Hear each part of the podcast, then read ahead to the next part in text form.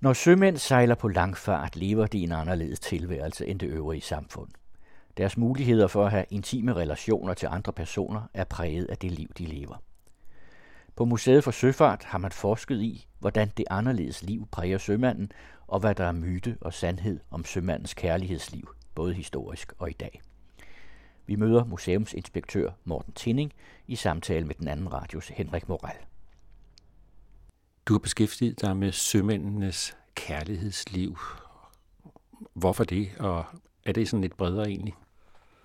Altså kærlighedsliv er jo noget, som berører os alle sammen. Altså det er en meget menneskelig ting, og noget vi alle sammen har. Det der er med sømændene, er, at de lever et anderledes liv end os på land. Og derfor har de nogle andre vilkår. Og derfor var det interessant at kigge på, hvordan deres kærlighedsliv, forhold til det andet køn, forhold til hinanden, blev påvirket af de her vilkår, når de er ude at sejle. Og det er jo ligesom grundlaget for det, vi kiggede på. Og så kan man kalde det sømænd og sex, eller kærlighed og sømænd, men det er meget bredere. Det handler om sømændenes vilkår og deres følelsesmæssige liv, og selvfølgelig også en lille smule om sex. Er det så ikke noget, man ved noget om i forvejen? Jo, det ved vi faktisk alle sammen noget om, fordi vi har alle sammen en forestilling om, hvordan sømanden er, og hvordan hans liv er. Vi kender fra film og bøger og myter, og vi har alle sammen det her billede af den unge, bramfri øh, sømand, som øh, kommer i land og går måske i Nyhavn og slår på tæven og drikker og horer og lever et vildt liv som ung mand med lidt penge på lommen. Så vi ved alle sammen en lille smule om det, og vores projekt gik egentlig ud på som udgangspunkt at undersøge, hvad er der i den her myte? Er der noget sandhed et eller andet sted, eller er det bare et eller andet billede, vi har stillet op af nogle unge mænd, som lever et anderledes liv, end det vi er vant til, og derfor klistrer vi en masse myter på den her figur, som vi så kan bruge i litteratur, kultur og film og den slags ting. Så han bliver sådan en arketype. Så det var det, vi ville som udgangspunkt undersøge myten. Hvor stammer den her myte fra? Hvor gammel er den? Hvor kommer den fra? Og så bagefter prøve at dykke ned i de historiske kilder og se, om der var noget materiale, som kunne enten bakke den op, eller øh, måske fandt vi ud af, at det var faktisk helt anderledes. Det var vores udgangspunkt for forskningen. Hvad er så myten? Jamen, myten er jo, at sømanden er anderledes end os på land. Han lever et andet liv, og det, der er interessant at kigge på, det er jo, om det her liv er anderledes, fordi de mennesker, som tager ud og sejle, er anderledes, eller om det er deres vilkår og det liv, man skal leve som sømand, som gør, at de mennesker, der lever det her liv, opfører sig anderledes. Det er jo sådan en ren menneskelig ting, der handler om, hvordan vores omgivelser påvirker os og påvirker det liv, vi lever. Der er også noget omkring det her med at være ude og sejle, og det store hav gør noget ved mennesker. Vi kender alle sammen måske tanken om at tage ud i skoven og gå en tur for ro og fred, eller tage i sommerhuset og komme væk og få noget natur. Det gør et eller andet ved vores sind. Og måske har sømandens oplevelse af at sejle rundt på det store hav og en tæthed til naturen, de farer, der er involveret i at være ude på havet, det lange tidsrum, de er væk hjemmefra, og deres familie måske, eller deres venner, hvad gør det ved de her unge mennesker som regel, øh, når de tager ud i forhold til deres liv og det liv, de vælger at leve?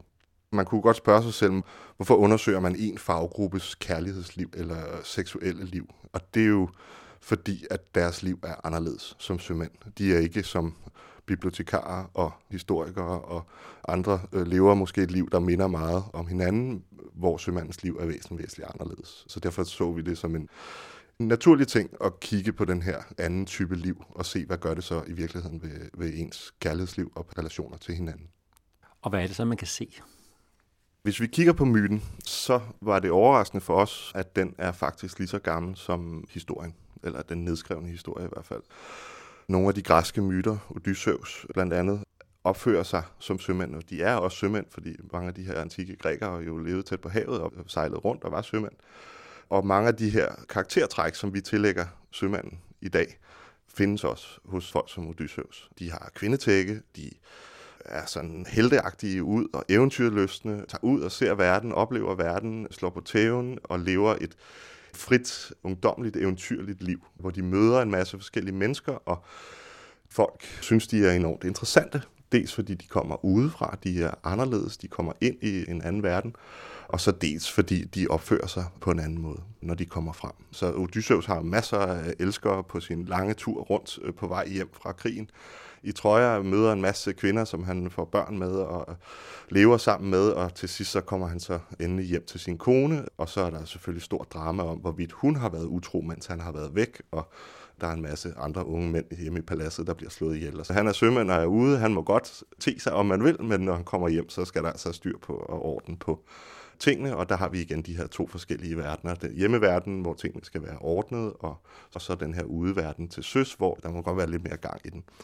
Så det overrasker os i, i første omgang, at vi ligesom kunne spore den her sådan, omtale af sømanden, eller tanker om sømanden, helt tilbage fra antikens Grækenland og videre til romerne. Øh, der er også elementer af det i vores forestilling omkring vikingerne, altså de her, hvor de tager ud og plyndrer og voldtager og er sådan vilde og voldsomme.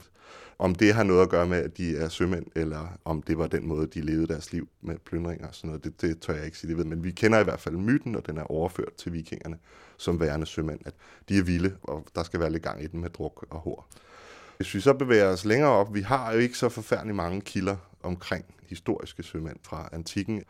Vi har nogle islandske sagaer, hvor man fortæller, hvordan øh, vikingerne levede, men øh, det handler jo selvfølgelig om, at de er sømænd, men det handler også om alt muligt andet, altså det samfund, de lever i på det tidspunkt, og er sådan en overlevering. Men når vi så kommer lidt længere op i historisk tid, så begynder der at dukke kilder op til sømændenes liv. Og det, der går igen langt hen ad vejen, er, at de jo er meget væk hjemmefra. Det er ligesom det første. De kan være væk i overvis af gangen, og det gælder både øh, de ledende ombord på et skib, men også de almindelige menige søfolk. Der kan vi sådan se, at der begynder de stille og roligt at indrette sig, de her historiske sømænd. Nogle tager koner med ombord på skibene, selvom man egentlig ikke måtte, men det gør de alligevel. De øh, måske lidt yngre af dem, de lever et ret frit liv, når de i øvrigt er i land eller har fri. Og vi finder det i mange øh, illustrationer fra 1600-tallet, 1700-tallet, 1800-tallet, med de her havnemiljøer, som Nyhavn, som er sådan det klassiske danske eksempel, som er fyldt med havneknejper og bordeller og tatovører og alt, hvad der ligesom hører til for en sømand, når han kommer i land med lidt penge på lommen, og så skal han leve det liv i land, som han kun har meget kort tid til, fordi han ellers er ude på havet i et meget maskulint, mandsdomineret miljø ombord på et skib med et meget strengt hierarki. Vi ser nogle af de samme ting, som myten fortæller, gå igen. Og så er det jo, at vi som historikere begynder at tænke, okay, men så er der måske noget sandhed i myten, og måske handler den her opførsel i virkeligheden mere om, hvad sådan et sømandsliv gør ved et menneske. Og måske også lidt om, at sømændene måske har haft en selvforstærkende effekt i forhold til den her myte. De har fået klistret nogle etiketter på. Dels var de af lav social rang, altså de havde ikke nogen særlig status. Og så når de ligesom fortæller hinanden, hvordan er, skal man leve som sømand, så kan det være, at, at de ligesom forstærker den her myte ved at sige, jamen, du skal have dig en tatovering, du skal have besøgt et bordel, du skal drikke som fanden, når du kommer i land og sådan noget. Og så på en eller anden måde, så får det sådan en selvforstærkende effekt, hvor de, de ældre sømænd lærer de yngre, og så bliver det måden, man opfører sig, når man er sømand. Når du siger sømand, er det så både øh, civilt og militært? Ja, som sådan har vi ikke skældnet mellem de to grupper, fordi der er et ret stort overlap allerede fra tidlig tid. Kan man sige. Når kongen havde brug for sin flåde, jamen så rekrutterede han sømænd i Danmark gennem det, der hedder sørullen. Hvis man skulle tjene sine penge ved at sejle, så skulle man stå i en lang liste, sådan så kongen kunne indkalde en, hvis det var, at riget var i fare, og han havde brug for nogle sømænd. Så dem, som sejler på overlovsskibene, er øh, langt hen ad vejen også dem, som sejler civilt. Selvfølgelig er der nogle professionelle soldater, de har måske nogle andre vilkår. Når vi kommer senere op i tiden, så får man en professionelt officerskorps med en militær kodex, som de lever efter med noget med Gud, Konger og fædreland og æresbegreber og, og alt sådan noget. Og en af de ting, vi kiggede på, var også den danske flåde i 1800-tallet, og hvordan var deres æreskodex i forhold til sex og kærlighed. Og der finder man nogle ret interessante ting, fordi at vi kan kigge på nogle sygdomsprotokoller, og der kan vi se kønssygdomme, og kønssygdomme er for historikere en rigtig øh, fin ting, fordi at øh, ting som gonorrhea og sådan noget, kan stort set kun overføres ved kønslig omgang. Og det vil sige, at hvis der er nogen, der er indlagt med gonorrhea, så kan vi være ret sikre på, at de i hvert fald har haft tæt samkvem med nogen inden for et relativt kort stykke tid. Så ved at kigge på de her sygdomsprotokoller, kunne vi se, at der var øh, ret mange, som fik syfilis og gonorrhea, og dermed måtte have været ude omkring, om man vil. Men de to grupper er vi ikke sådan adskilt, men vi har kigget i kilderne, fordi kildematerialet er lidt forskelligt, men deres opførsel er ikke væsentligt anderledes. Hvis vi nu tager 1700-tallet, hvad er der så specielt for sømændene? I 1700-tallet er det jo for dem, som sejler meget langt til Kina for eksempel. Der handler det om nogle meget, meget lange tidsrum, hvor de er væk hjemmefra. Det er overvis af gangen. Og det er jo svært at have et normalt familieliv derhjemme, når konen ikke ved, hvor du er, og ikke ved, hvornår du kommer hjem, og om du kommer hjem, og hvordan klarer man det så lige økonomisk og alt sådan noget. Så man prøvede så vidt muligt at sørge for, at sømændene ikke var gift og ikke havde nogen særlige familierelationer, fordi det gjorde det lidt nemmere. Og det gør jo så også, at man ender med en samling relativt unge mænd, på den tid var der ligesom ikke så mange muligheder for at komme ud og se verden. Der var i bund og grund nærmest kun to, og det var at tage ud og sejle eller komme i militæret. Det var den måde, man kunne komme ud og rejse, i hvert fald hvis man var fattig. Så man får en gruppe af meget eventyrløsne, meget unge mænd med appetit på livet, som skal ud, og som også tør, fordi det er jo forfærdeligt farligt. Altså, rigtig mange af dem dør af enten tropesygdomme eller ombord på skibet. Det er farligt arbejde, man kan falde ned og slå sig. Man skal have en lille portion mod at gå på mod for at tage ud på sådan en rejse. Hvis man kigger på sådan et skib, der er måske et par hundrede mennesker ombord, og det er jo så de her unge mænd, mange af dem. Og så opstår der en eller anden form for opførsel, som de kan være enige om. Dels ombord, men så også igen, når de kommer i land. Og har fri, og de har klaret rejsen, der skal fejres, har ikke set land i lang tid, man har kommet igennem stormen og alt det her, så skal man ud og leve livet. Og det gør man efter bedste evne og efter de økonomiske midler, man nu har. Et meget berømt eksempel er bytteriet på Bounty, det her engelske flådeskib, hvor en del af besætningen gør oprør og bliver bedt om at blive sejlet tilbage til en trobø ude i Stillehavet, hvor de så går i land og stifter familie med de lokale kvinder, og de finder endda en lille ø helt for sig selv, hvor de så kan bygge et nyt samfund op. Og på den måde er de kommet væk og har på en eller anden måde opfyldt en drøm måske om at få det her eget lille samfund, de selv kunne kontrollere med nogle smukke kvinder i nogle smukke omgivelser med mad og drikke, og ikke det her triste liv derhjemme i England, hvor de øh, var ligesom lavest i samfundet og ikke havde nogen penge og et meget, meget hårdt liv. Så det er sådan et berømt eksempel på nogle af de her unge sømænd, som så at kvinderne øh, på øen måske ikke har været den eneste grund til, at de har gjort oprør. Måske også noget omkring de vilkår, de sejlede under, men man kan måske pege på, at deres drøm har været ligesom at komme væk og få det her trope liv. Det er det billede, vi ser fra 1700-tallet, og hvis vi så bevæger os lidt længere frem til 1800-tallet, så begynder vi at se konturerne af den sømand, som vi i hvert fald i Danmark måske kender fra en masse film i 50'erne og børnebøger og ungdomsromaner, og sådan øh, den her lidt barske, slå på tæven karakter, som så er ude og se verden, og nogle af dem bliver ude i verden og stifter familie derude og kommer aldrig hjem igen. Og lever et farligt og anderledes liv. En, I hvert fald bunden, som vi måske i Danmark mest identificerer os med, altså den her bonde, der har jorden og fødderne solidt plantet i jorden, og de flytter sig ikke så meget. Bønderne, de gifter sig måske med en pige fra nabobyen, eller sådan. Der er sømanden jo sådan en demonstral modsætning, fordi han gør alle de ting, som bunden ikke gør. Han tager ud i verden, han oplever noget, han møder mange piger og, og lever et andet liv. Men han kan også godt have en kvinde hjemme. Det kan han i hvert fald, fordi det vi jo så øh, også støder på i kilderne er, at sømanden er jo også et menneske ligesom alle os andre.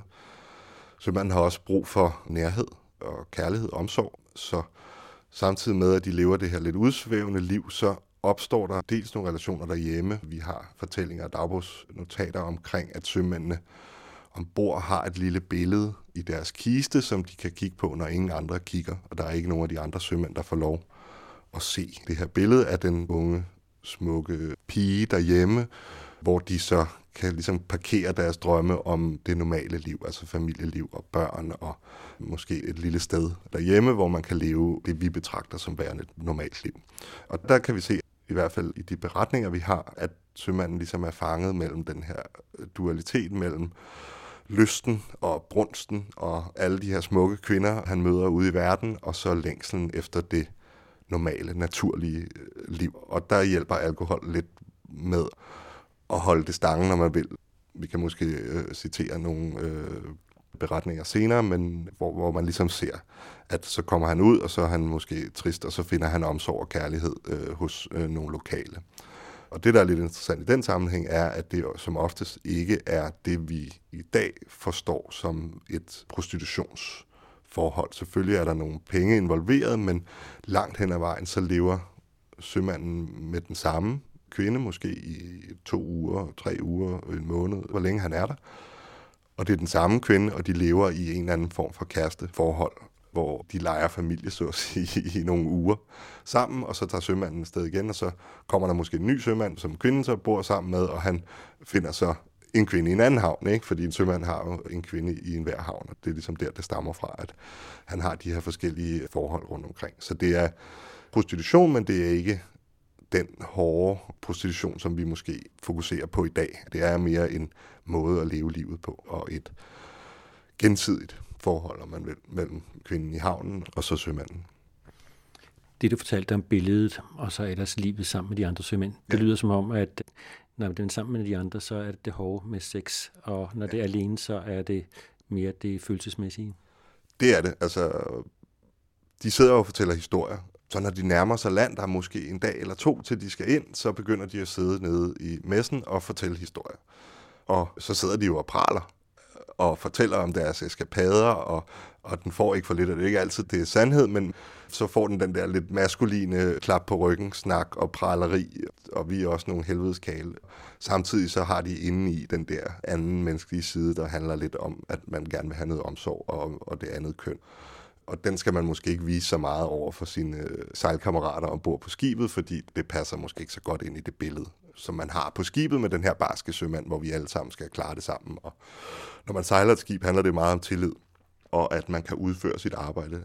Hvis man skal sejle et skib godt, og det ikke skal gå galt, øh, for eksempel i en storm, så er det meget vigtigt, at man arbejder godt sammen, og man kan stole på hinanden, og at alle folk arbejder for skibet, for at man kan komme sikkert i land. Så derfor så er det vigtigt, at der ikke er nogen, der falder udenfor og ikke tilhører det fællesskab, og man ikke har den tillid til dem.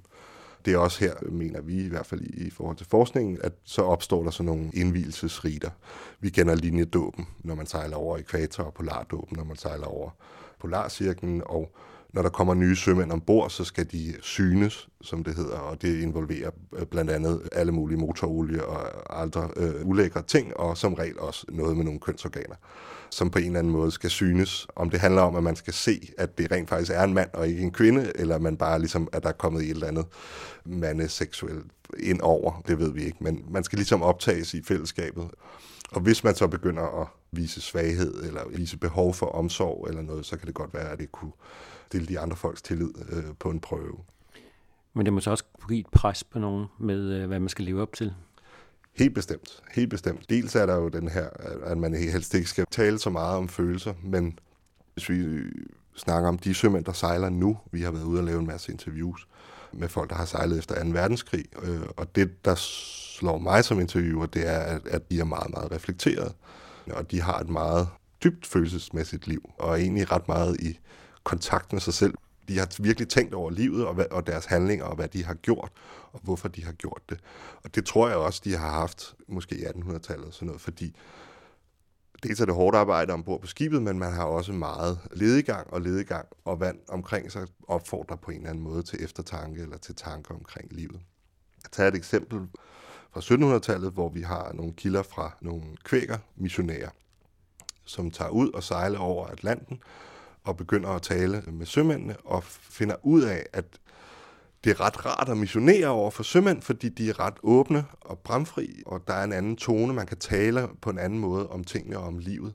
Så derfor er de, er de på den ene måde ret nemme at, at missionere overfor, samtidig med, at de så i, i samfundets øjne bliver ligesom set som nogle udskud og nogle fra lav social klasse med lav social rang. Og det gør det jo endnu bedre, hvis man kan redde nogen på samfundets bund. Hvis man er missionær, så er det jo virkelig fantastisk. Så i nogle af de her missionærs møde med sømændene, så får de alligevel den her eftertænksomme unge mand, som alligevel har gjort sig nogle tanker omkring livet, som en tilsvarende person på land måske ikke har gjort. En anden mulighed for at klare kærlighedslivet, det er jo så også øh, homoseksualitet. Det er det. Det støder vi på. Og selvfølgelig har det været der. Altså det er det her meget mandsdominerede univers ombord på skibet. Man kan se på det på tre måder. Der er dels den homoseksuelle kærlighed, altså to mænd, som elsker hinanden, og som lever sammen. Så kan der være, at man overtræder nogle grænser simpelthen for at få stillet nogle fysiske behov.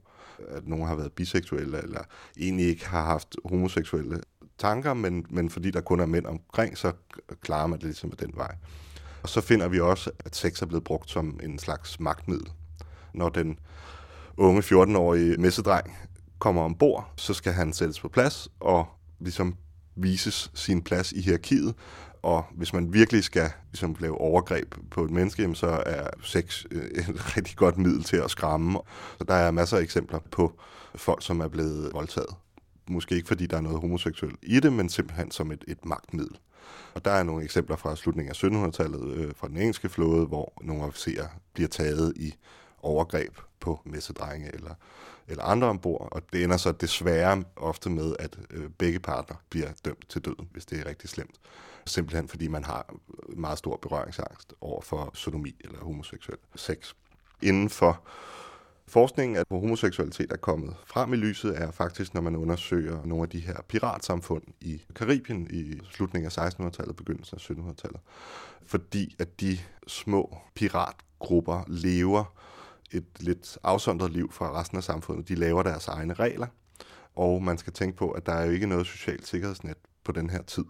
Så i de små samfund ser man, at to sømænd kan slå sig sammen og simpelthen leve i en slags ægteskab. Med eller uden sex, men at de er simpelthen gift med hinanden på en eller anden måde. Der er en passage i bogen Moby Dick, hvor hovedpersonen Ismail og den her harponer, Quick Quick, som han møder, hvor der står, at de er wedded, som i gift.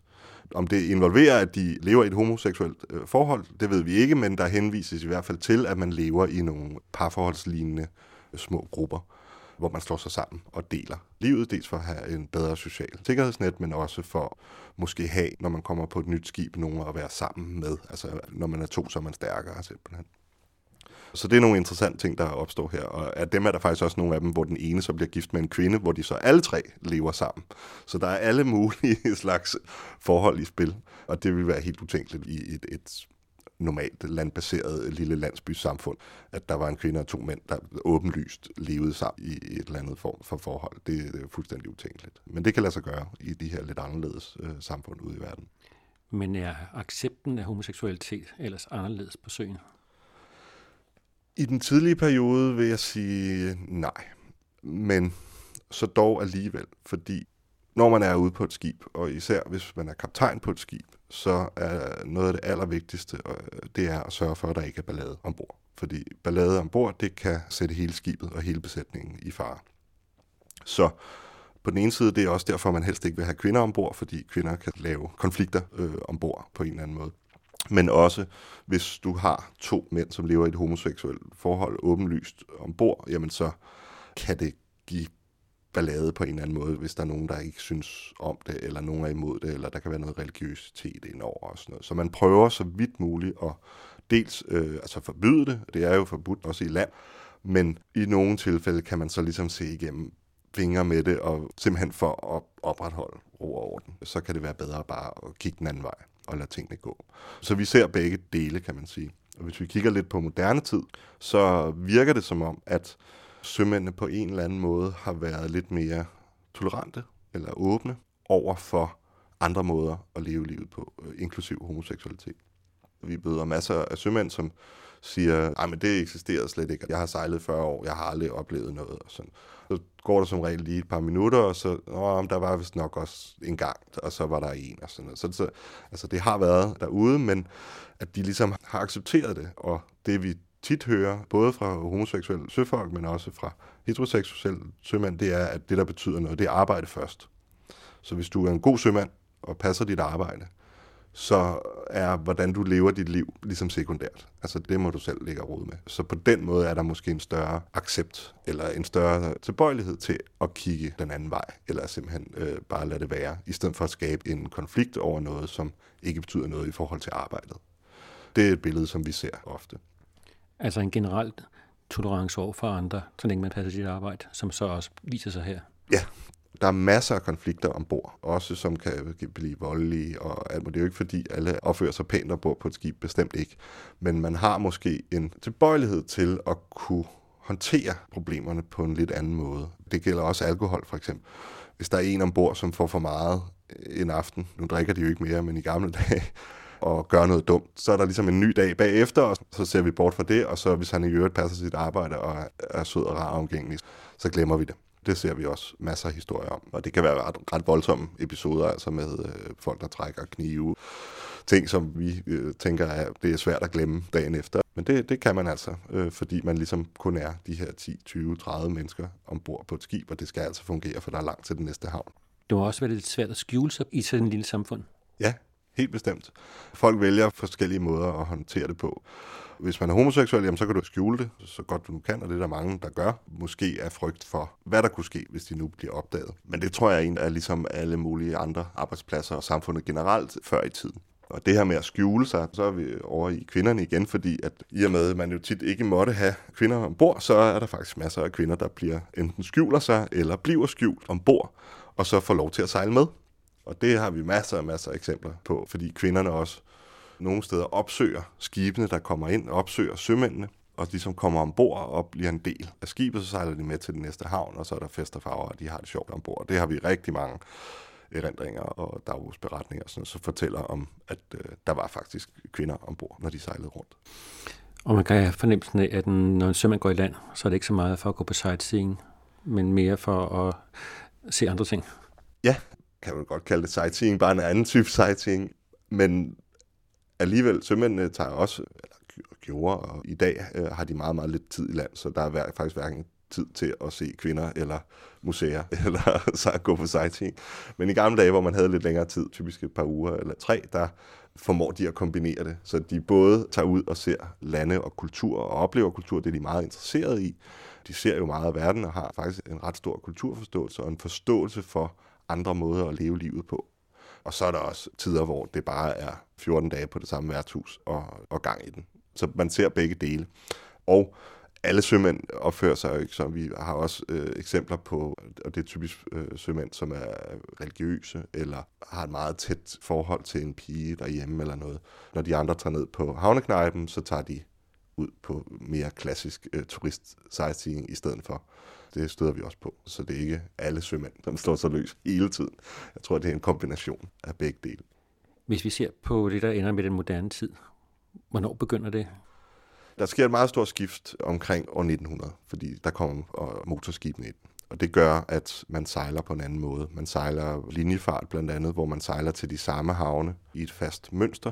Og det gør noget ved, at det er nemmere at have et forhold til en kvinde i, i hver havn, når man ligesom ved, hvornår man kommer tilbage igen, og at man ved nogenlunde regelmæssigt, hvor man skal hen. Og det gør også, at i forhold til et familieliv derhjemme, så ved man også, at jeg er ude at sejle i den her periode, så kommer jeg hjem, og så skal jeg ud og sejle igen. Og så altså den helt moderne søfart, altså containerfarten og og den søfart, som eksisterer i dag, den bliver så effektiviseret i havneområdet, at der er meget, meget kort tid til at lave andet end at arbejde. I gamle dage med det, man kalder et stykke skib, hvor man ligesom fylder skibet med alt muligt, øh, sække og tønder og kasser og lokomotiver og alt muligt. Det er enormt lang tid øh, at laste og losse sådan et skib, og det er typisk de her to-tre uger. Men sådan et stort, moderne containerskib, der snakker vi 24-48 timer for at tømme og laste og loste. Og det gør, at så sømanden han har måske lige tid til halvanden time til at nå ned i supermarkedet og købe noget sodavand, eller ringe hjem, eller et eller andet. Så det er den eneste forskel. Den anden forskel er kommunikation. At sømændene i dag i meget højere grad har kontakt hjem til via sms eller FaceTime eller, eller telefonopkald, Skype, e-mail. Så de er nærmest i daglig kontakt, og det vil sige, at hjemmet rykker tættere på og rykker ind og har også en plads på skibet. Så på nogle måder tror jeg, det er sværere at være sømand i dag, fordi man både skal leve livet ombord på skibet, samtidig med, at man lever med i livet derhjemme, men man er der ikke. Hvor det måske var mere regelmæssigt skåret i gamle dage, hvor man ligesom var ude, og du hørte ikke noget, du fik måske en brev en gang imellem, men så var du der, og når du så kom hjem, så var du der. Så det kan være svært, tror jeg. Og nogle af de interviews, vi har lavet med folk, der har sejlet i moderne tid, der kan vi også høre, også når vi taler med sømandskonerne, at når sømanden kommer hjem, så skal han eller hun lige akklimatisere sig på en eller anden måde. Om det handler om at ligge en uge på sofaen og lige finde ud af, hvordan det fungerer, eller at man træder ind i et ægteskab, hvor øh, sømandskonen er vant til at ligesom styre det hele. Det er hende, der styrer økonomien, det er hende, der styrer børnene og har styr på familiefødselsdage og alle de her ting. Og så kommer der en udefra, og som lige pludselig har en holdning og en mening, og så det kan godt give lidt skamysler. Det er bare svært at have et arbejde, hvor man er meget væk hjemmefra og så kommer hjem. Øh, det tror jeg også mange, det gælder også for militæret, måske endda også for journalister eller, eller øh, folk, som arbejder ude i den store verden. Men det kan være svært at skulle begge dele, både at være hjemme, men, men langt væk hjemme for at være en del af det liv. Der var det måske nemmere i gamle dage, at man ligesom var ude eller hjemme. Men børn må vel også fylde mere så med den slags kommunikation, man har i dag? Ja, helt bestemt. Jeg var ude og sejle med nogle filippinske søfolk, og de ville meget gerne vise mig billeder af deres familie. De var enormt stolte af deres familie, og havde også på en eller anden måde et behov for at vise dem frem, fordi de savnede dem rigtig meget, tror jeg. Øh, så vil de gerne ligesom vise. Øh, og så en af dem havde sådan et, et slags billede slideshow på sin computer med noget lidt sørgelig musik til, og hvor han sad og kiggede på de her billeder, og tårerne trillede ned af kinderne på ham, hvor han ligesom tænkte på sidste gang, han havde set sin søn, som måske var 4-5 måneder siden, og de havde været ude og lave et eller andet sammen. Ikke? Så jo, familielivet er rykket tættere på og er blevet mere normaliseret, end det var i gamle dage, tror jeg, for den moderne sømand. Du har talt nogle gange om interview, I har lavet. Ja. Hvad er det, I har gjort? Det vi startede med, med det her projekt omkring lyst og længsel og, og sømænds kærlighedsliv, var, at vi ville jo gerne tale med nogle sømænd, men det er måske ikke så hensigtsmæssigt at gå ud til folk og sige, hey, kunne du ikke tænke dig at fortælle en masse om dit sexliv? Så det vi gjorde var, at vi besluttede, at vi ville tale med øh, en masse sømænd, og så tale om hele deres sømandsliv. Og det kunne vi jo i øvrigt øh, forskningsmæssig logik lige så godt gøre med det samme, ligesom få hele historien, når vi nu var der. Så jeg tog en båndoptager og fik kontakt til en masse søfolk, både kvindelige, øh, mandlige, homoseksuelle, heteroseksuelle, gamle, unge, men folk, der har sejlet professionelt øh, i længere eller kortere tid, fra cirka 2. verdenskrig og så frem til i dag, og nogle af dem sejler også stadig. Og det var en fantastisk måde, dels for dem, håber jeg i hvert fald, mange af dem havde i hvert fald en stor fortællelyst, og en lyst til at dele deres historie omkring, hvordan det her liv er. Og så også for os som forskere eller som historikere at få folks egne fortællinger fra deres egen mund. I de ældre tider er vi jo ligesom bundet af nogle forskellige typer skriftlige kilder. Det kan være erindringer eller dagbøger eller fotografier eller hvad det, hvad det nu kunne være af kildemateriale. Men her havde vi ligesom mulighed for at stille nogle spørgsmål øh, direkte og det er blevet til et stort materiale, som øh, til videre er ligesom klausuleret for, forstået på den måde, at, at de folk, vi har interviewet, øh, er anonyme, medmindre vi spørger, om vi øh, må få lov til at bruge det, men som samlet materiale giver det en fantastisk forståelse øh, af livet som sømand i perioden efter 2. verdenskrig. Og så rammer det også ned i øh, hele køns af ligestillingsdebatten, fordi at der var kvinder ombord på skibene, de var typisk øh, telegrafister og den slags, øh, og det er først i 1978, at kvinder får lov til at være på dæk, som det hedder, altså øh, matroser. Så den periode har vi også dækket og har interviewet nogle af de første kvinder, som var ude at sejle, og hvordan deres oplevelse af det var. Det har været barskt. Altså, de har skulle virkelig slås, og det er nogle barske kvinder, de har oplevet lidt af hver. Så det har vi også fået dækket i det her forskningsprojekt. Så det er ikke kun kærlighed og sådan, det er også køns- og, og ligestilling og arbejdsvilkår ombord på skibene i, i en moderne verden. Og det har så været anderledes for kvinder på søen end i land i forhold til øh, arbejdsforholdene? Altså, de er jo blevet testet og er stødt på den her mur, og de her mandlige søfolk siger, at det, det kan du ikke klare. Altså, du er ikke fysisk stærk nok, og, og hvad skal en kvinde herude? Og det kan du ikke. Altså det har de stort set stødt på, alle øh, de kvinder, der er kommet ud og sejle den her modvilje, og har følt, at de skulle gøre alting lige så godt eller bedre. Det var vigtigere for dem, at de var en virkelig god sømand. Så den her tolerance og sådan noget, vi talte om tidligere i forhold til homoseksuel, den har altså ikke været udstrakt til kvinder i forhold til en arbejdssituation, generelt i hvert fald. Det har heldigvis ændret sig, men jeg tror stadig, der er, er mange kvinder, som vælger at gå søfartsvejen, som vil støde på den på den ene eller den anden façon. Men, men det er heldigvis blevet meget, meget, meget bedre, og der er også en lang større andel af kvinder, som øh, har lyst til at tage ud og sejle, og som tager ud og sejle. Jeg ved øh, fra skoleski for eksempel, øh, Geostage er et eksempel, der er omkring en tredjedel af de elever, de tager ind, er kvinder. Så det er der altså søgning øh, nok til. Så øh, med tiden skal det nok blive godt, og, og der er også kvindelige øh, kaptajner på meget højt niveau. I dag, de har også skulle kæmpe med de her køns- og ligestillingsproblematikker hele vejen op, men de er trods alt kommet igennem og har klaret sig, så det kan altså lade sig gøre. Søværnet er jo også et af de steder, hvor der har været kvinder inde nu, og de har haft sådan en meget aktiv øh, holdning til, hvordan man skulle håndtere det. Er det så noget, man også har haft i det civile? Nej, det er ikke mit indtryk. Jeg kan tage fejl. I forsvaret gjorde man jo meget, altså der opfordrede man, ville gerne have kvinder i forsvaret, og det man gjorde, så vidt jeg har forstået det, det er, at man var meget, meget imødekommende i forhold til, at kvinderne skulle føle sig velkomne. Man prøvede at undgå, at der ligesom var noget seksuelt. De fik deres eget baderum, og de fik altså, sportsbehov og sådan. Altså alle mulige sådan, praktiske, almindelige ting for ligesom at gøre det nemmere, og man, man tænkte, at hvis vi nu sætter alt det her praktiske og, og sørger for, at, at omstændighederne er helt perfekte, og der er ikke noget at sætte en finger på, så bliver det rigtig godt alt sammen. Og det, jeg så tror, man fandt ud af, det var, at det var faktisk ikke nødvendigt. Eller rettere måske, netop fordi man gjorde det, viste sig, at det var faktisk ikke nødvendigt. Det kunne man godt finde ud af, og folk kunne godt omgås begge køn og leve tæt sammen, uden at det ligesom skabte unødigt ballade og, og konflikter. Der er altid konflikter, det er der også mellem to kvinder og to mænd eller øh, grupper, så man var nede på, ligesom, at det var almindelige problemer. Og så er der selvfølgelig en masse enkelte episoder med folk, som ikke har kunne finde ud af det på den ene eller den anden. Altså, øh, det kan være sex, øh, chikane eller diskrimination, eller, eller hvad det kunne være. Det er der selvfølgelig, desværre.